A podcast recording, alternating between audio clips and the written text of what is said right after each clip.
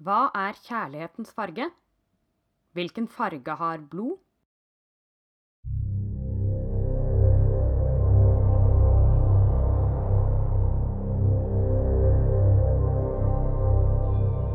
Se for dere en ganske liten kvinnefigur. Hun er oppkalt etter kjærlighetsgudinnen til romerne, men er mye, mye eldre enn Romerriket. Hun er skåret ut av ett stykke, men kroppen ser ut til å være satt sammen av kuleformer. Som om hun er laget av deig, av brødemner som er presset sammen. En rund mage, to svulmende bryster over.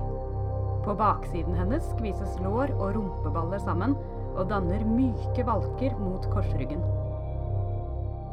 Hodet er en kule, knærne er små erter. Armene er bare antydet, men navlen, venusberget og kjønnsleppene er risset opp med presisjon. Hun er kald og hard, men må ha blitt varm hvis man holdt henne lenge i hendene. Liten nok til å få plass imellom to never, og de runde formene må ha vært gode å ha mellom håndflatene. Som de bølgeslipte steinene man plukker på stranda og lukker hånda rundt i lomma. Vi vet lite om henne, hvordan hun ble håndtert, eller hvorfor hun ble laget. Når jeg ser bilder av henne, kan jeg forestille meg mye.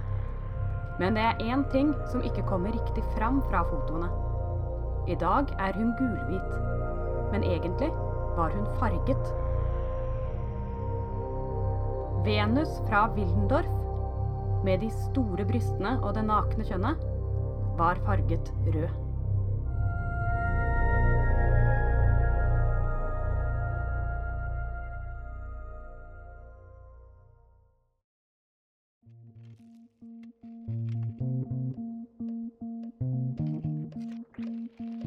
Du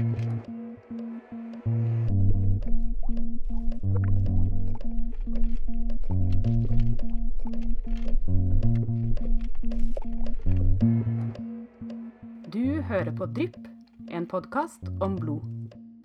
Jeg heter Ingebjørg Bergholm, og denne episoden heter Rødt som blod.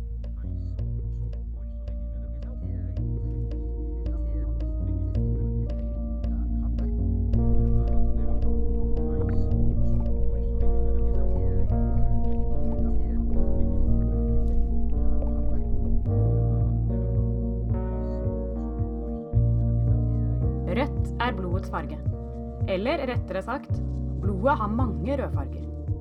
Oksygenrikt blod er lyst, oksygenfattig er mørkt. Blod som nettopp har piplet ut av et levende vesen, er skinnende rødt. Mens gammelt, størknet blod er nesten svart.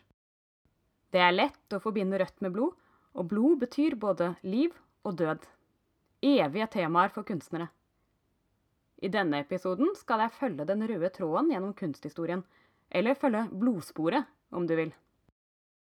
Den vesle steinfiguren vi moderne mennesker kaller Venus fra Willendorf, er omtrent 25 000 år gammel, altså fra steinalderen.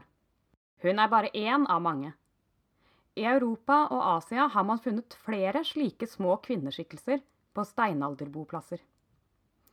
Vi vet ikke nøyaktig hva de har blitt brukt til, men man antar at de har hatt en magisk eller religiøs betydning, og det er vanskelig å tolke dem som noe annet enn erotiske.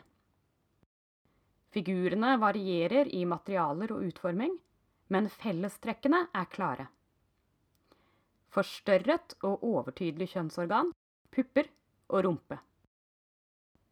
På noen av figurene har man funnet rester etter okerpigmenter, altså rødfarge.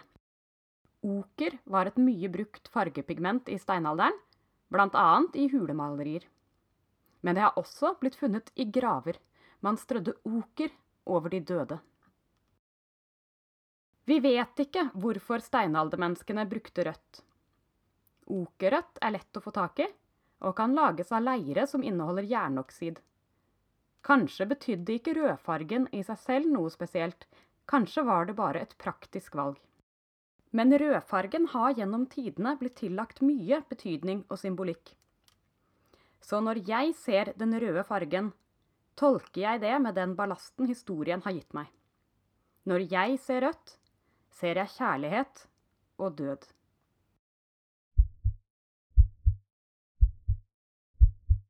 Fargen rød må ha gjort et sterkt inntrykk på mennesker til alle tider. Det er en farge som synes godt, og den krever oppmerksomhet. I naturen finnes den klare, reine rødfargen bare i små innslag. I blomsterblader, på giftige dyr og insekter, modne frukter og bær. Men skjær opp huden på et levende vesen, så velter den fram i overflod.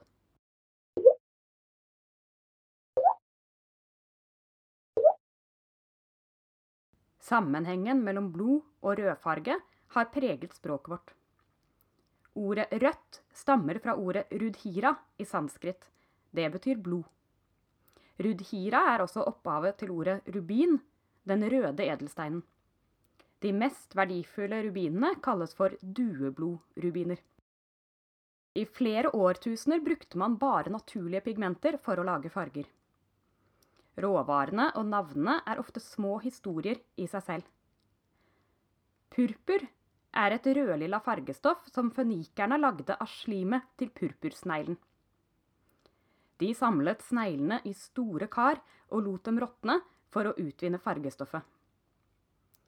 Stanken fra millioner av råtnende snegler lå tungt over byen, men den spesielle fargen ble høyt verdsatt.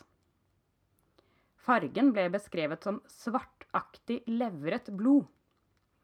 Fargen var kostbar, og i Romerriket var den spesielt eksklusiv. Der var det bare keiseren og hans familie som hadde lov til å bruke den.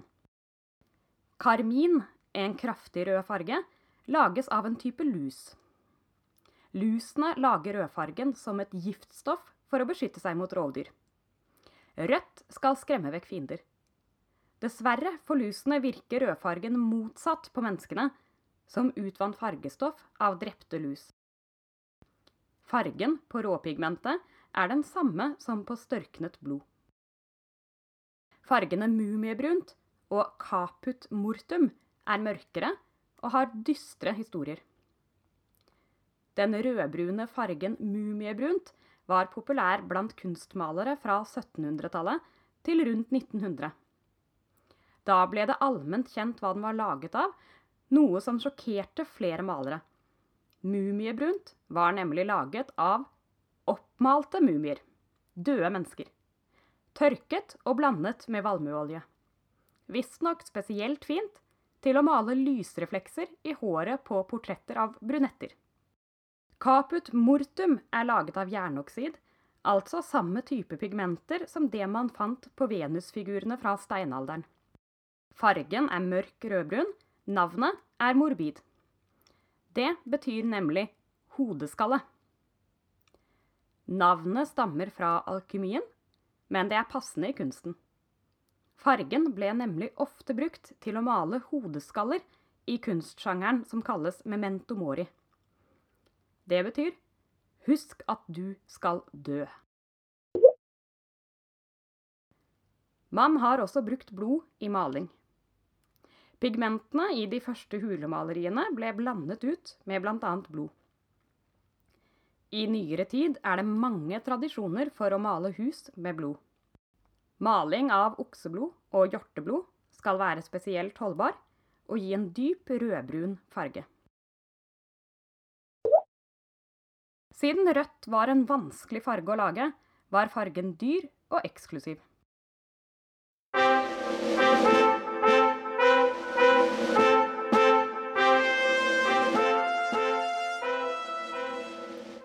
Purpur var keiserens farge i Romerriket, og den ble også den kongelige fargen over hele Europa i mange hundre år. Typisk brukt i kongekroner og kongekapper, men også i våpenskjold. Den franske solkongen Ludvig 14. var spesielt glad i røde skohæler, og forbød andre enn de adelige å bruke dem. Det har blitt sagt at fargen symboliserte blodet til Frankrikes fiender, knust under kongens føtter.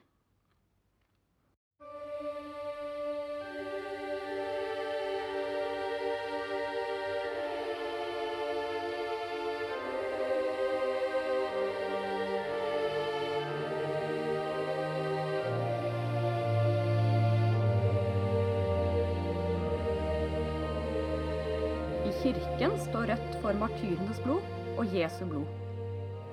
Fargen symboliserer også Den hellige ånd og troens brennende overbevisning. For kirken er rødt blod og ild. Det er den symbolikken som skal forklare pavens røde sko. Men dette er også en skikk med røtter tilbake til de moste purpursneglene.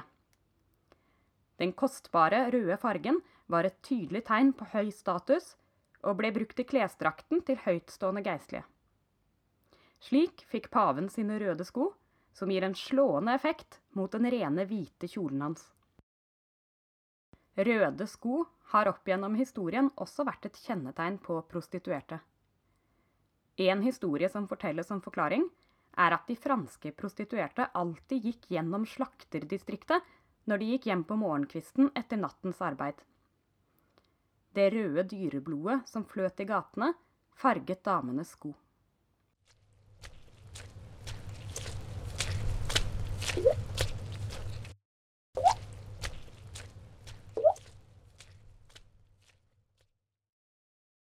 Fra midten av 1800-tallet klarte man å produsere syntetiske fargepigmenter. Altså farger framstilt i kjemiske prosesser og ikke direkte fra naturen. Snegler, lus og planter fikk være i fred, og farger kunne masseproduseres rimelig. Man fikk tilgang til farger som før hadde vært umulig å framstille, og fargene ble mye billigere. En av dem som benyttet seg av de nye mulighetene, var Edvard Munch. Hans palett er svært fargesterk. Munchs kunst er ekspresjonistisk og symbolistisk, og fargene er viktige fortellende elementer. Og Munchs bruk av rødt er slående. Kunst må lages av ens hjerteblod, har Munch sagt, og bildene hans er ofte preget av blodrødt. Se på Skrik. Rødt er den dominerende fargen i bildet. Den flammende røde himmelen slår imot tilskueren. Fargen gjentas også i brua, som den skrikende figuren står på. Rødfargens betydning ser man tydelig i en liten serie litografier som Munch lagde av motivet. De er trykket i svart-hvitt, men enkelte er håndkolorerte. Blant svake, nesten hvite, brune og gule toner står én kulør fram, den blodrøde himmelen.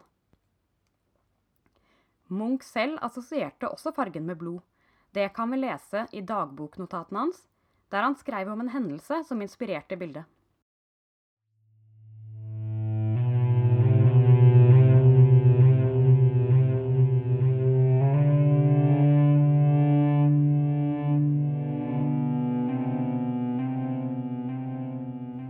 Jeg gikk bortover veien med to venner. Solen gikk ned. Jeg følte som et pust av vemod. Himmelen ble plutselig blodig rød. Jeg stanset, lente meg til gjerdet, matt til døden. Så utover de flammende skyene som blod og sverd over den blåsvarte fjord og by. Mine venner gikk videre. Jeg sto der skjelvende av angst og følte et stort, uendelig skrik gjennom naturen.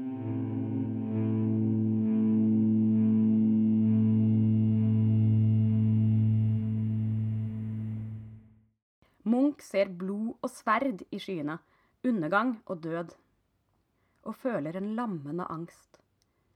Han fortalte om opplevelsen til venner, og beskrev himmelen som levret blod, som om solen gikk ned i en trykkende, blodig masse. Og den røde himmelen han så, kan faktisk ha vært skapt av en fryktinngytende og dødelig hendelse i Sørøst-Asia. I 1883 eksploderte ei øy i Indonesia. Vulkanen Krakatau sprengte seg selv i et enormt utbrudd. I sprengkraft tilsvarer utbruddet ca. 13 000 Hiroshima-bomber. Braket skal være den kraftigste lyd som er målt, og kunne høres helt til Australia. Eksplosjonen skapte en tsunami med 40 meter høye bølger.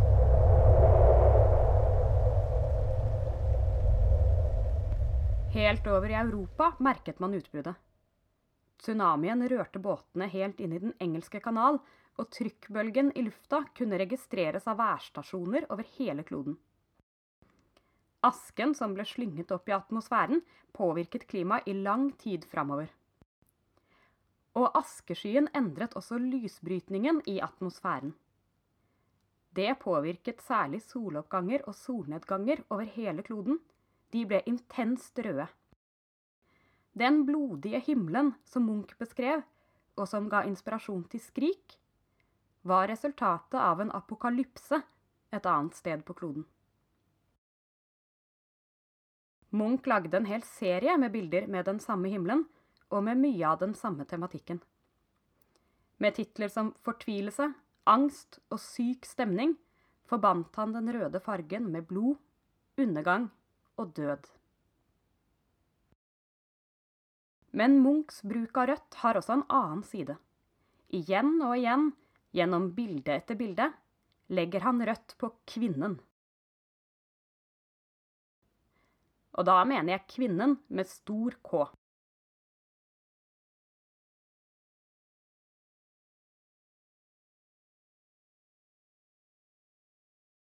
I Munchs hovedverk 'Livsfrisen' skildrer han livets syklus. Kvinnen har rollen som livgiver, selve livskraften inkarnert. Uløselig knyttet til forplantning og erotikk. Som i livets dans.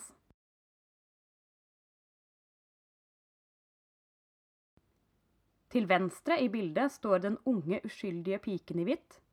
Til høyre står den gamle i svart kjole. Men i midten danser en kvinne i rødt, sensuelt og hengivent, med en mann.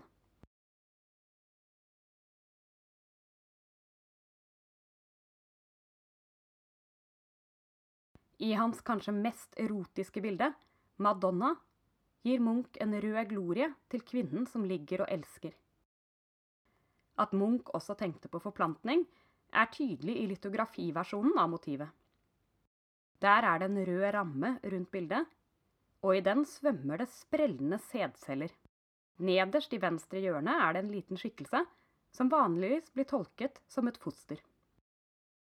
Men Munchs røde kvinner er langt fra bare glorifiserte livgivere.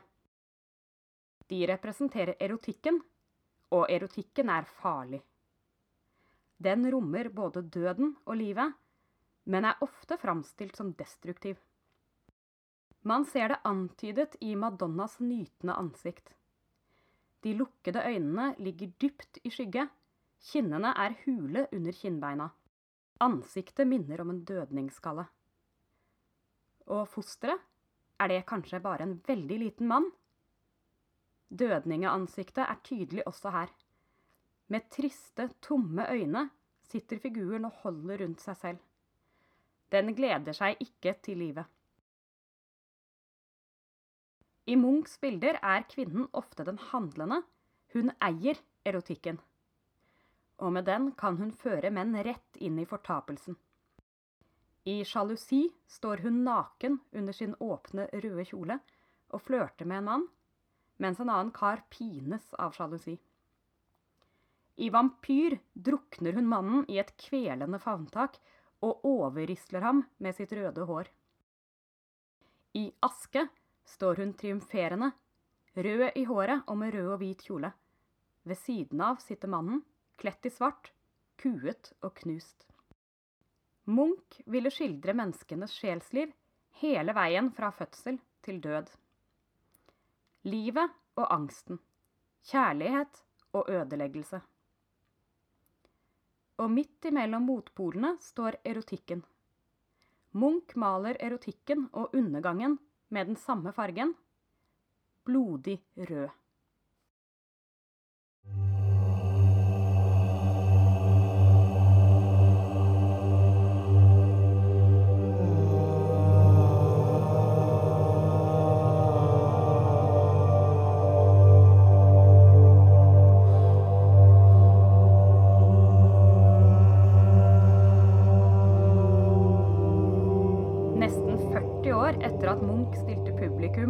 For sitt røde skrik, fikk en annen kunstner publikum til å bryte sammen.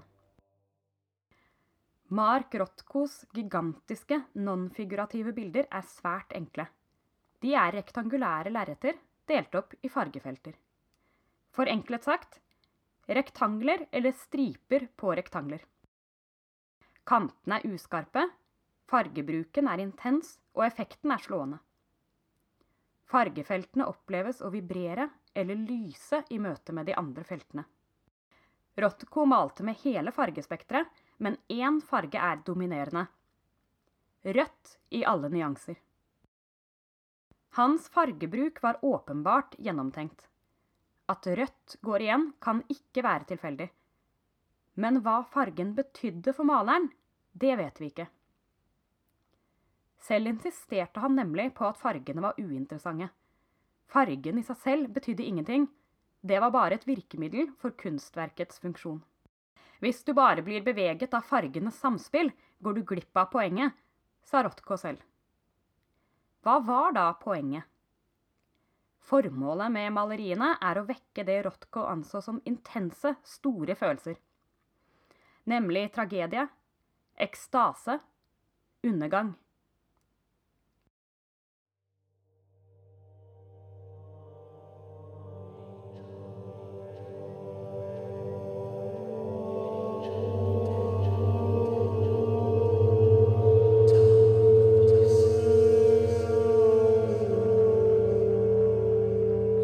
Var sterkt inspirert av Jung og Nietzsche. Han så på seg selv som en moderne mytemaker, og mente at hans totalt abstrakte bilder skulle gi en spirituell opplevelse som moderne mennesker desperat trenger. Å betrakte bildene hans skulle være som en slags meditasjon. Slik ville Rotko at du skal se bildene hans. Du skal ikke forsøke å forstå det.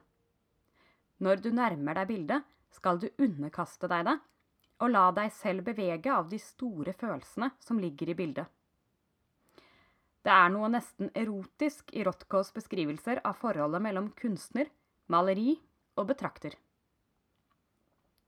Han ville at publikum skulle åpne seg i møte med bildet. Man skulle stille seg svært nær de gigantiske lerretene og la seg oppsluke av dem. Tilskueren skulle ha et intimt møte med kunsten. Rothko sa selv at han jobbet med store formater for å være intim og menneskelig. Han henga seg til maleriets digre proporsjoner mens han arbeidet med det, lot det ta styringen over ham. Og så skulle la en tilskuer gå inn i et forhold til bildet, var sårbart. Han oppførte seg beskyttende, nærmest sjalu ovenfor egen kunst, og lot ikke hvem som helst kjøpe bildene. Rothko var redd for at noen skulle ha lyst på bildene hans av feil årsaker. Skrekken var at noen skulle kjøpe dem for estetikken og bruke dem som romdekor. I en tale ga Rothko sin oppskrift på kunst, nedfelt i en ingrediensliste på sju punkter. På andreplass plasserer han sensualiteten et begjærlig forhold til ting som eksisterer. Men det var førsteplass på lista som etter hvert ble dominerende for Rothko. Den må være tydelig opptatt av død. En antydning av dødelighet.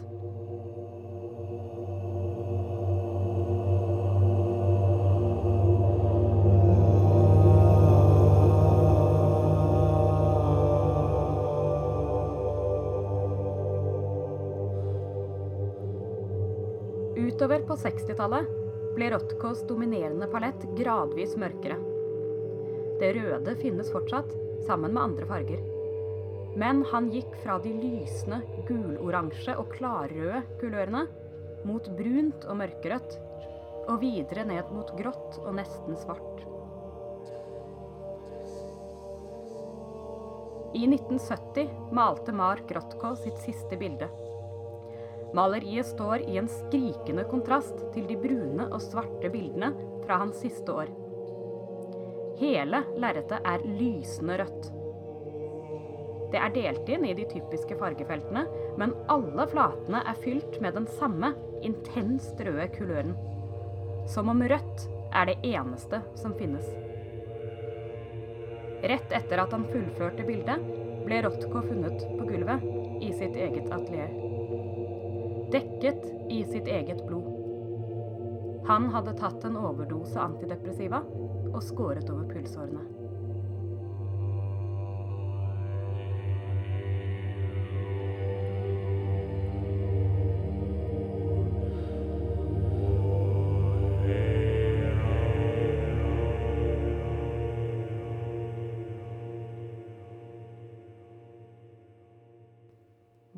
Rothko og Munch var påvirket av psykoanalysen.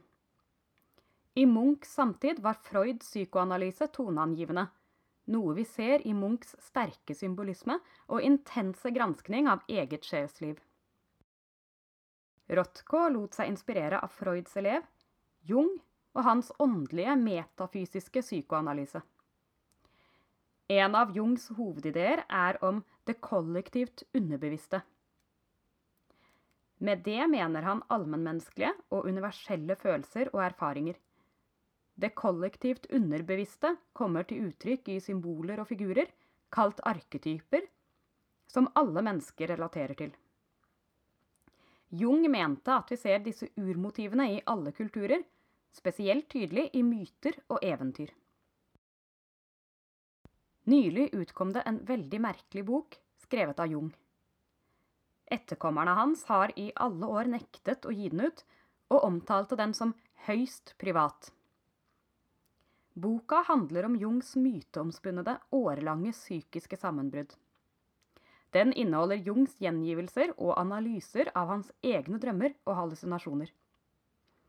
Boka er delvis håndkalligrafert og illustrert av Jung selv, i fargesterke, detaljrike gjengivelser av det som kan ha vært en psykose.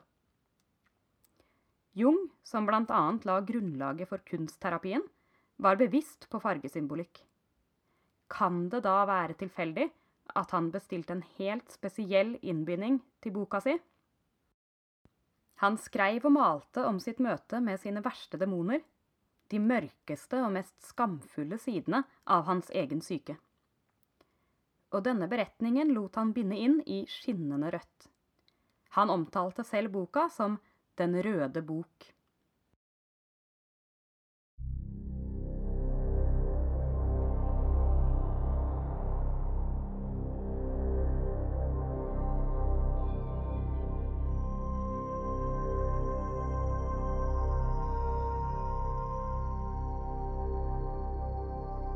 En av de jungianske arketypene kalles ofte Den store mor. Hun er ikke din egen mor, men alles mor. Hun er alle tings begynnelse og alle tings slutt. Hun er omsorg og kjærlighet, men også raseri og kaos. For jungianere er hun alle modergudinner, i alle tider og alle kulturer. Hun er livgiveren Maria, men også ødeleggeren Kali. Hun er vår rødfargede Venus fra Willendorf. Freud, psykoanalysen far, skrev en avhandling kalt 'Ubehaget i kulturen'. Kort oppsummert forklarer han samfunnet som en konflikt mellom to grunnleggende krefter i mennesket. Eros, altså begjæret og livslysten, og Thanatos, dødsdriften. Freud beskriver vår kultur som en uløselig kamp mellom kjærlighet og død.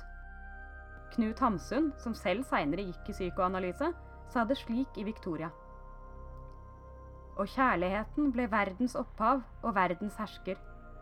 Men alle dens veier er fulle av blomster og blod, blomster og blod. Tegn et hjerte. Tegn en bloddråpe. Hvilken farge trenger du da?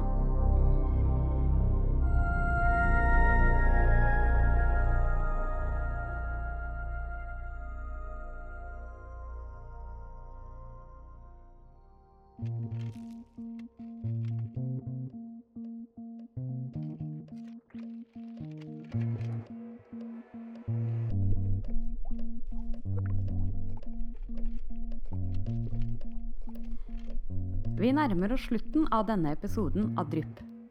Men før jeg avslutter, har jeg som vanlig en oppfordring. Podkastene er gratis for deg å lytte til, men de koster mye for meg som lager dem. Om du liker det du hører, så kan du takke meg ved å dele podkasten og gi den en anmeldelse på iTunes eller andre steder.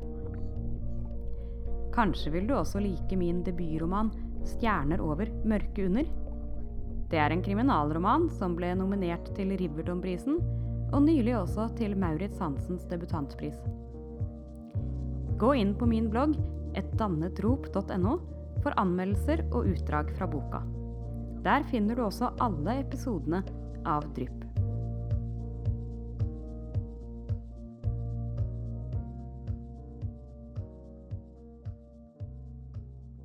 Mia Berner var den røde damen. Alt var rødt hos henne. Klær, briller, høreapparat, stokk og lepper. Som 81-åring ga hun ut sine erotiske memoarer, og etter hennes død kom diktsamlingen Et leskur for vinden, som hun jobbet med helt fram til slutten, i en rød ringperm og med tjukke, røde pennestrøk. Men for henne var rødt en sorgens farge. Hun kledde seg konsekvent i rødt etter at hennes mann døde, den finske poeten Pentti Sarikoski.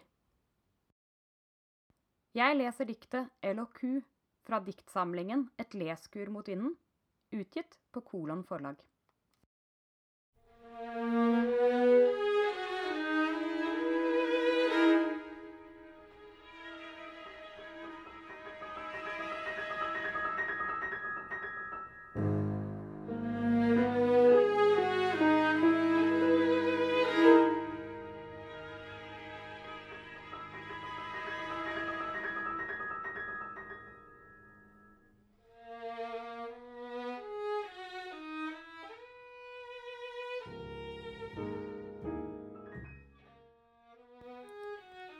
Eloku, det finske navnet på innhøstningens måned, den mildere måneden august, som også høstet ham som skrev navnet sitt inn i det finske språket. Visst modner morgenlyset i vargtimen med mjukere skinn over fjellene og åkrene når jeg våkner, med et sting av savnets rotteklo. Snart blir lyngen rød i alle bergsprekker, også der mellom bjørken og steinen, hvor han ikke skal våkne mer.